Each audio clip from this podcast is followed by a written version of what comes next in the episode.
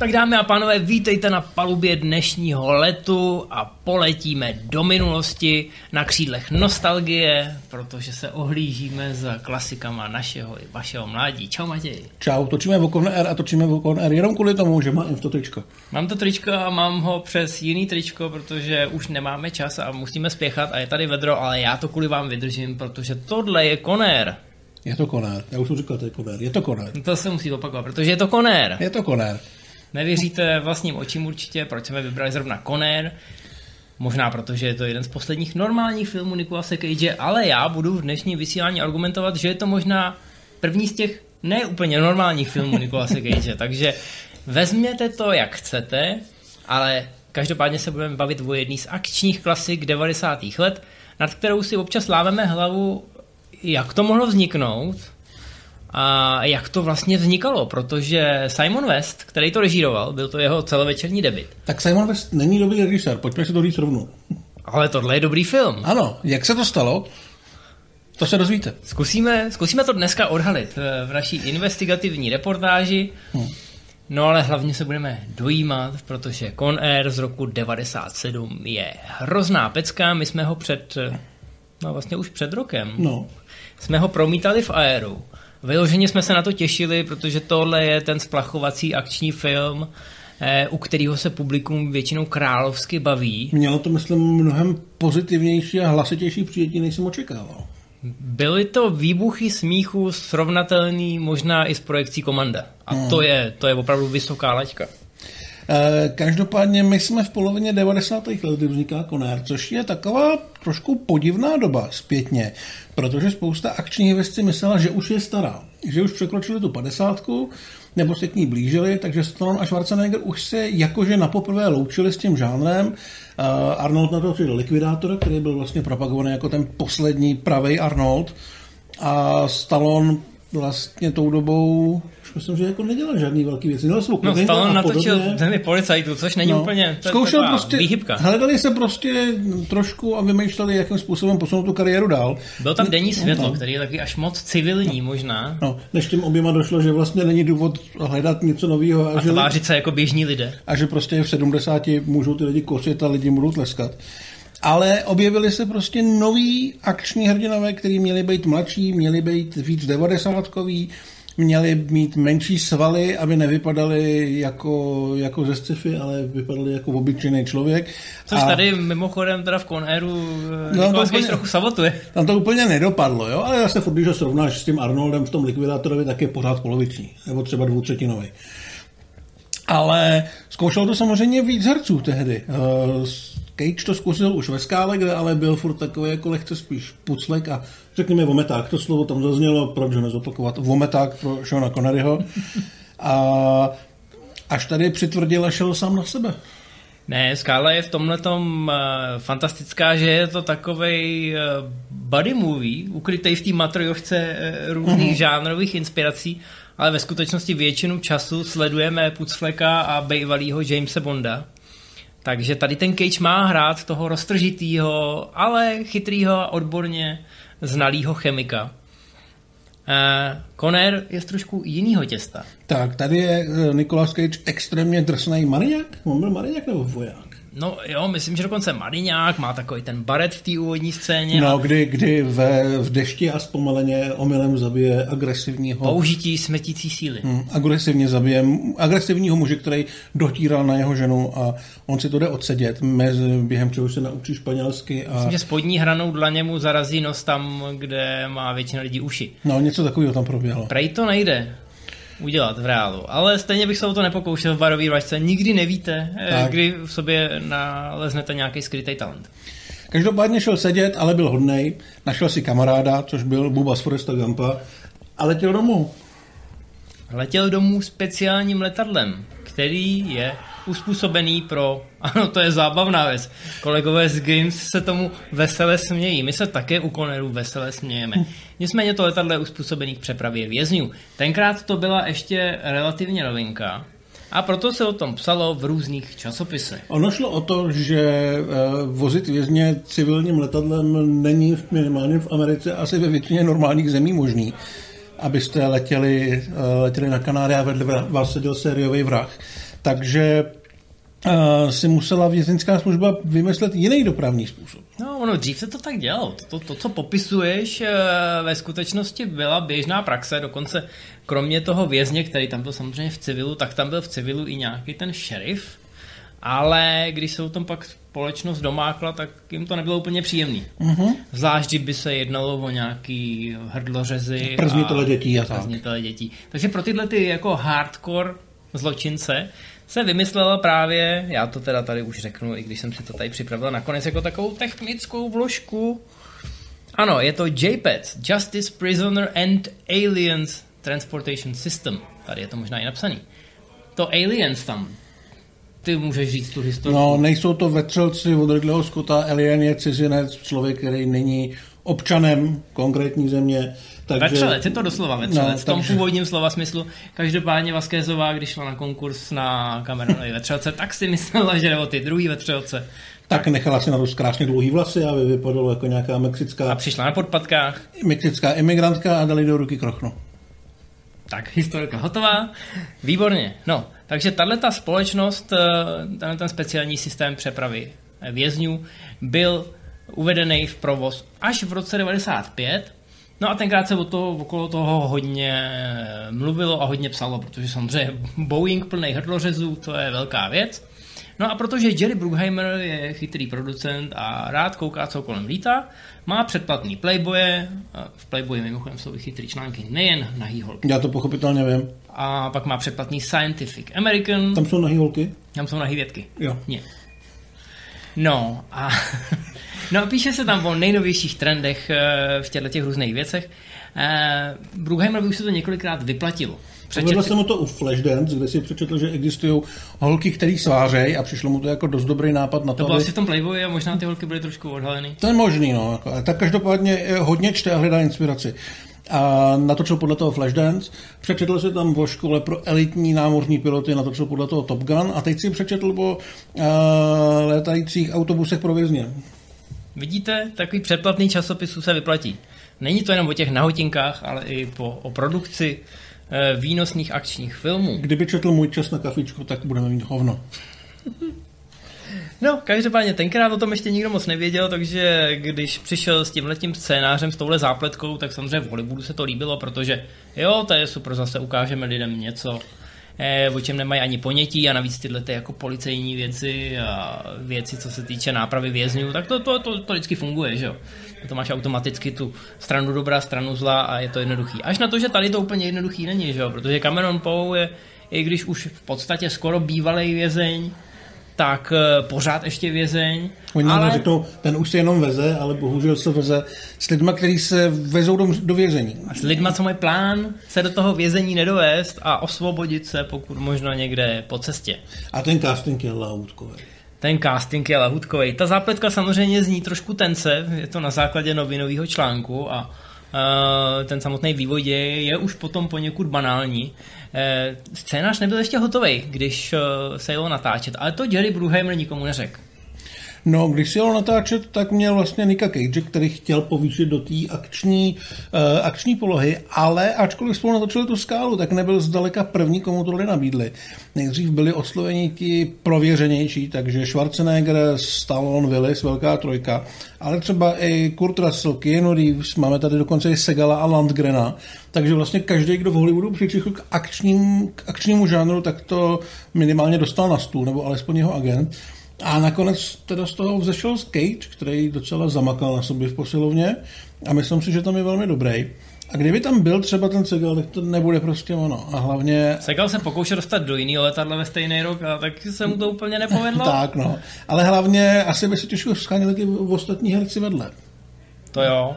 E, to, tady je to hrozně zábavný, protože Jerry Bruckheimer chápal, že asi on byl hrozně namlsaný samozřejmě z té skály, sehnal Shona Conneryho, no, který to. si tam v podstatě jako toho Bonda na oko zahrál. Tak jako s jídlem roste chuť a tenkrát, když se na to podíváme teď zpětně, tak ta půlka 90. let to bylo trendy. Povýšit ty akčňáky do takového toho sofistikovanějšího žánru tím, že se do vedlejších rolí nebo klidně i do těch hlavních obsadějí herci, kteří byli mimo ten žánr ale už si svoje ostruhy získali v, v některých jako důležitějších žánrech. Možná občas dokonce měli i nějaký Oscarový nominace, nebo dokonce Oscary samotný. Ale samozřejmě nalákat takovou hvězdu, to není jenom o penězích, vy musíte najít projekt, který pokud možno neznemožní. Jerry Bruckheimer měl výhodu v tom, že kromě produkce těchto těch filmů eh, měl i jiný filmy, které měly kromě komerčního úspěchu i nějaký kritický. A to byl třeba Krvavý příliv. Krvavý příliv je dneska už trošku zapomenutá ponorková věc, kterou točil Tony Scott a Gene Hackman a Denzel Washington se tam hádají o tom, jestli mají nebo nemají odpalit atomovky na Rusko. Uh, film není úplně zlej, nebo je dobrý, ale bohužel on na ponorku je lepší, takže ho trošku převálcoval. Jenomže byl to furt dost dobrý a velký film a to dost seriózní technotriller na to, aby s ním mohl Brugheimer machrovat a lákat herce. Takže když třeba oslovil Johna Cusacka, tak ho lákal na ten krvavý příliv a Cusack pak byl tak jako lehce lehce přinasraný, když zjistil, že vlastně točí akční volovinu a ještě v ní nemá úplně hlavní roli. No. No, John Cusack, mimochodem to byla jedna z rolí, kde se nepočítal s nikým jiným. Mám pocit, že John Cusack a Steve Buscemi pro ty to bylo napsané přímo na tělo. U Buscemi mě to naprosto nepřekvapuje, protože ten jeho, jeho sériový vrah je naprosto kouzelný a já jsem hrozně rád, jak to s tím na konci dopadlo, protože furt doufám, že někoho napadne ten sequel udělat. no, mluvil se o něm mnohokrát, ještě se k tomu dostaneme úplně na závěr. E, nicméně John Cusack tím filmem prochází tak trošku znuděně, možná si jako uvědomil, že to bude opravdu jenom o penězích. On vlastně není Přitom... ve že jo? On celou dobu je buď na vysílačce nebo na telefonu a snaží se všem, všechny přesvědčit, že se děje něco nekalého a do akce se dostane fakt až v poslední čtvrtině. Přitom je ta postava naprosto kouzelná a i, i ve vedlejších vedlejších rolích se tam objevují herci třeba Colm Colm je genius. Který je tam taky naprosto geniální. Bohužel jeho korvet skončí poněkud neslavně, ale Mám pocit, že ty herci s tím naložili ve chvíli, kdy zjistili, že ten film nemá scénář. Uh-huh. Což platilo mimochodem jako minimálně první dva týdny při natáčení, fakt ten scénář nebyl hotový. Ale tak s tím naložili podle sebe. Eh, Jediný, kdo s tím měl trošku větší problém, byl samozřejmě představitel hlavního záporáka Cyruse Viruse, a to sice John Malkovich, který... který... nevěděl, jak ho má vůbec hrát, co se vlastně po něm vůbec chce. On teda záporáky už měl celkem nacvičený. On byl třeba v mm, In Line of Fire, s Clintem Eastwoodem, kde chtěl zabít prezidenta, ale tady vlastně nevěděl, jak moc má být šílený, jak moc má být nebezpečný, jak moc má být jako kalkulující a podobně. A nikdo nebyl schopný mu to říct. Neměl, neměl se o co opřít, když šel za Westem, tak West ho poslal za Brugheimerem, když šel za Brugheimerem, eh, tak ten ho poslal do háje a akorát mu řekl, že teda, když za ním něco vybuchne, že by neměl mít žádný tiky v obličeji, že to je naprosto normální v tomhle žánru. No tak ho to trošku štvalo, štvalo, že to taková partizánština, ale Brugheimer evidentně moc dobře věděl, co chce. I když si třeba jako v době, kdy ten scénář nebyl ještě hotový, tak si nechal od Cage vnutit pár věcí. Třeba toho králíčka. Eh, což jako, hele, vezměme to tak, že některý uh, fóry, já vždycky, když jsem tam toho králíčka viděl, tak jsem si říkal, to, tohle už, jako, tohle už je možná trošku přes čáru. Ať už je to ta scéna v tom podpalubí, nebo ta scéna, kde na něj míří uh, ten Malkovič, ale jsem si říkal, ale to je stranda, to zase v žádném jiném akčňáku jsem neviděl. To jsem ještě netušil, že to je teda uh, Cageova práce. A teď, když jsme ten film promítali a viděl jsem ho po dlouhý době docela, jakože teď už jsem dospělý a uvažuji nad filmama asi trošku jinak, sofistikovanějc, tak jsem si vlastně uvědomil, že celá titulková scéna, celý ten prolog, kdy vlastně proběhneme rychlo posuvem těch Cageových sedm let ve vězení, tuším, mm. Takže je hrozně k smíchu, že to je skoro parodie, jak když koukáte na bláznivou střelu nebo jako na žavý no. střely. Celý ten prolog vymyslel Cage. Takže proto já bych rád tady poukázal na to, že tohle je jeden z těch prvních Cageových filmů, kde už on regulérně v úzovkách nemá co ztratit.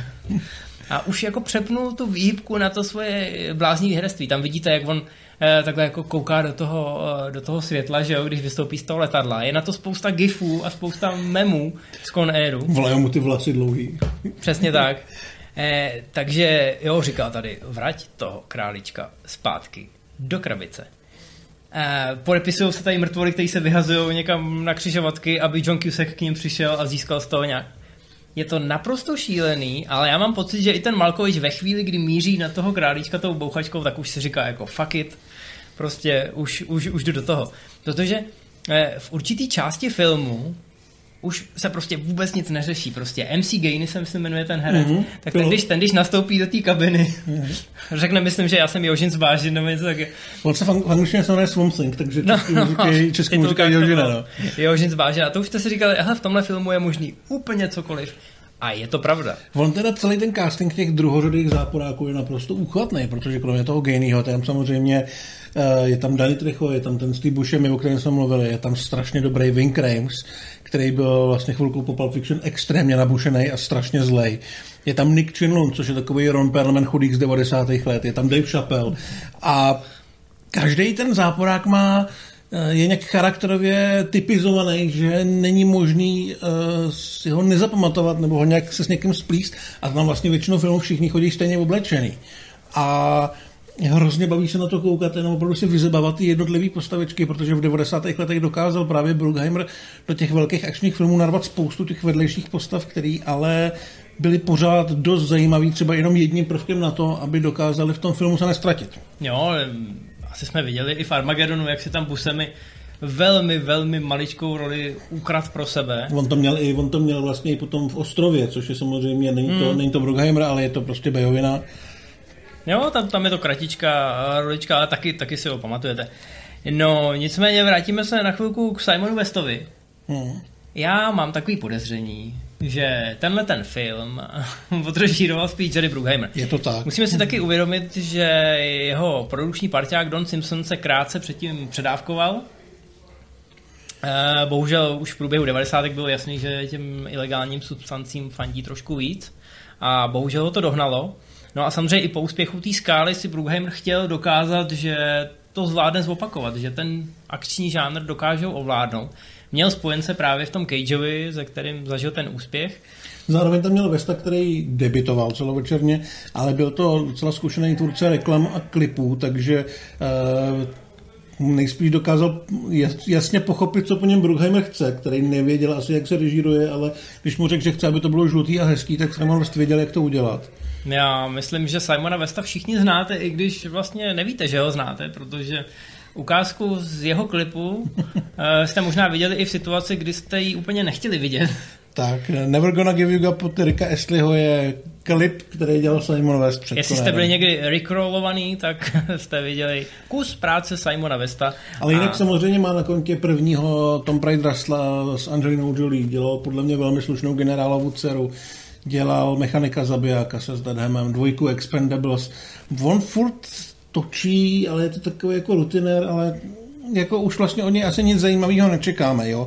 Ten Conner je jeho nejlepší akční film a teď vlastně No, no, právě, otázka, že- jak moc je jeho. Právě, že z té rutiny vystupuje tak moc, že mám pocit, že tady Bruckheimer tlačil úplně nejvíc a neříkám jako, že pobíhal s kamerou a říkal, že tady má být úhel, tady má být úhel, ale prostě si to hlídal a když viděl něco, co se mu nelíbilo, tak nařídil, aby se to předělalo a předělalo se to tak dlouho, dokud eh, to prostě nebylo dobrý. Ale mě na tom fascinuje do dneška ten, ten, ten, ten odklon toho Cage. Jo, kdy- když si to vezmeme, tak eh, jsme mluvili o té půlce těch devadesátek, jo, a ta, teď si najednou prostě začal výdat v těch akčních filmech herce, který tam nebejvali. Jasně. Keanu Reeves, i když hrál v bodu zlomu, ale to není úplně čistokrevný akčňák, tak se objevil v nebezpečné rychlosti, že jo, kde si John, John Travolta byl regulárně akční hvězdou. Přesně, John Woo ho uh, vrátil, uh, vrátil do kin, to už byl asi třetí comeback, že jo? Mhm. A zdaleka ne poslední, ale, mm, ale jako krásně se to povedlo. Dost často ty herci v rolích záporáků přehrávali ty lidi v hlavních rolích. To se U toho, právě u stalo. toho, u toho uh, operace Zlomený šíp dokonce dostal Travolta na výběr, jestli bude hrát kladáka nebo záporáka a hnedka skočil po záporákovi. Kdo si dneska pamatuje Kristiana Stejtra? Nikdo, ano, nikdo. No a pak samozřejmě spousta lidí si právě myslí, že se Cage regulérně zbláznil až utváří v tvář. Jo, protože tam přece jenom už v té úvodní scéně, kde je v převleku za toho kněze. Jo, že tu broskev nebo co? No, něco takový.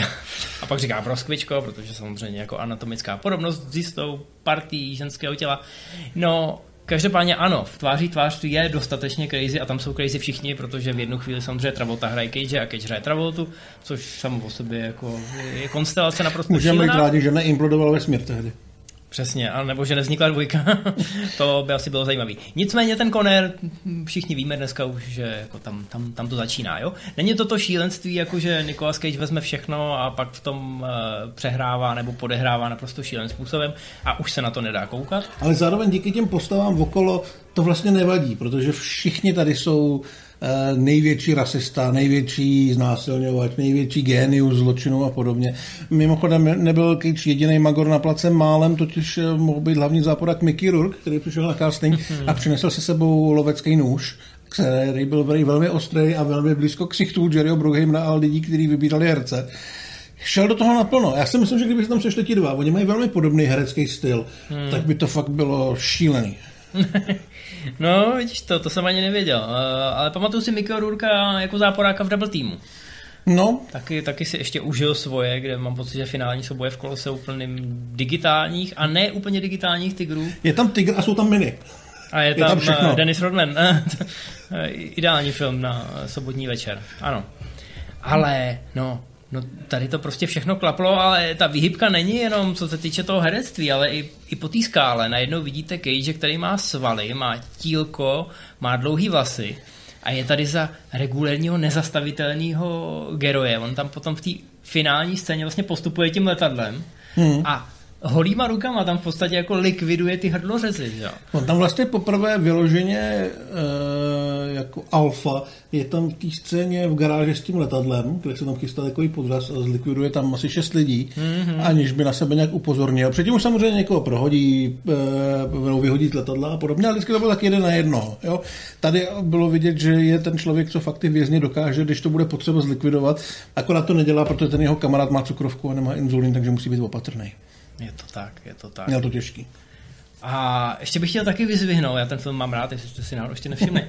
Eh, chtěl bych vyzvihnout soundtrack. To je zase, jako navazuješ na skálu, což je dost možná nejlepší kolaborace Hanze Cimra a e, dalších lidí, který možná neznáte, ale pracovali na tom soundtracku ještě víc než tady e, Hans. A tohle dělal Mančino?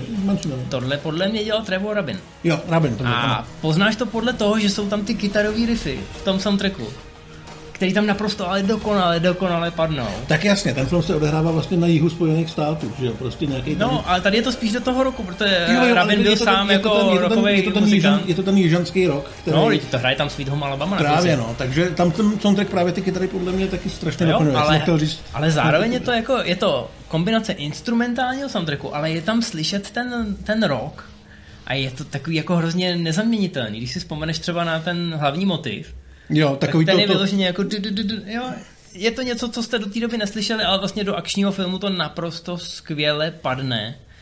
Eh, stejně jako tam skvěle padne to finále, který se odehrává ve městě hříchu, ale ve skutečnosti původně bylo zamýšlený jinak.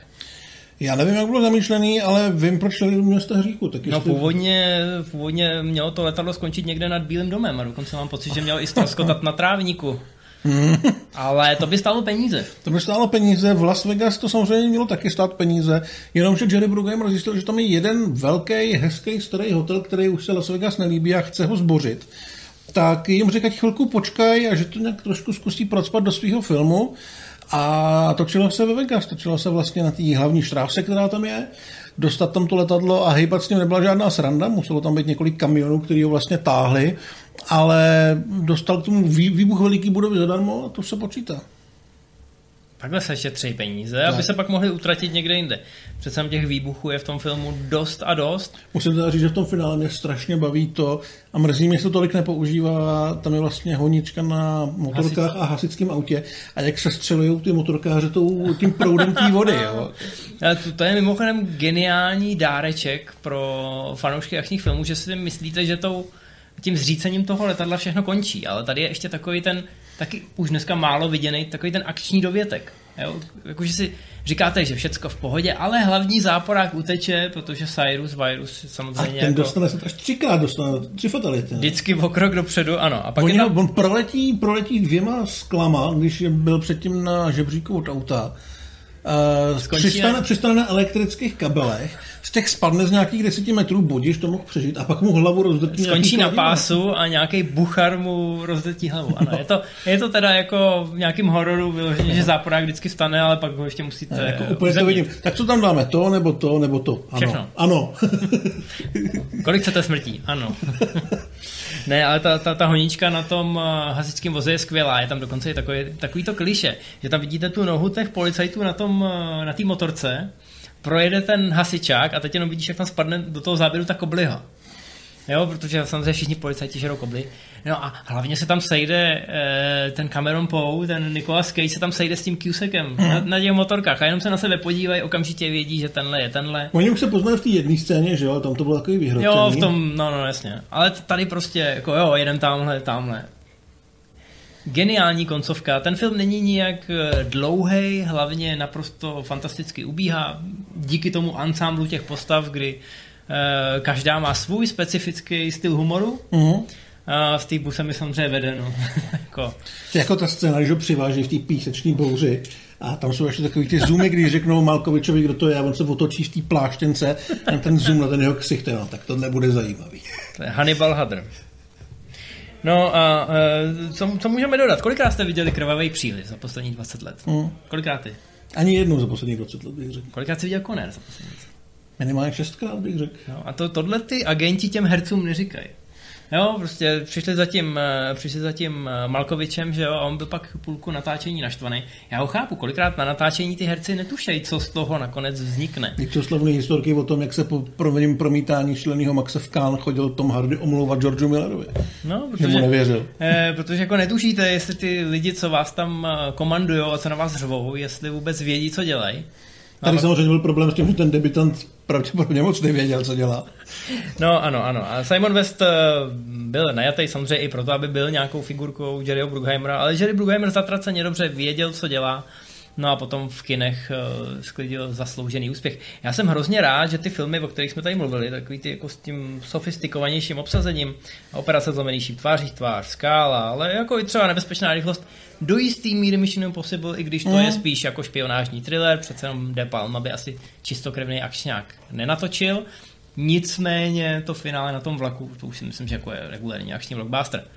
A tenkrát s Toma Cruise asi nikdo, nikdo nečekal, že z něj bude nějaká... On, on hodně jako lifroval mezi různýma žánrama, že jo, měl tam Top Gun samozřejmě, a měl tam i Vanilkový nebe.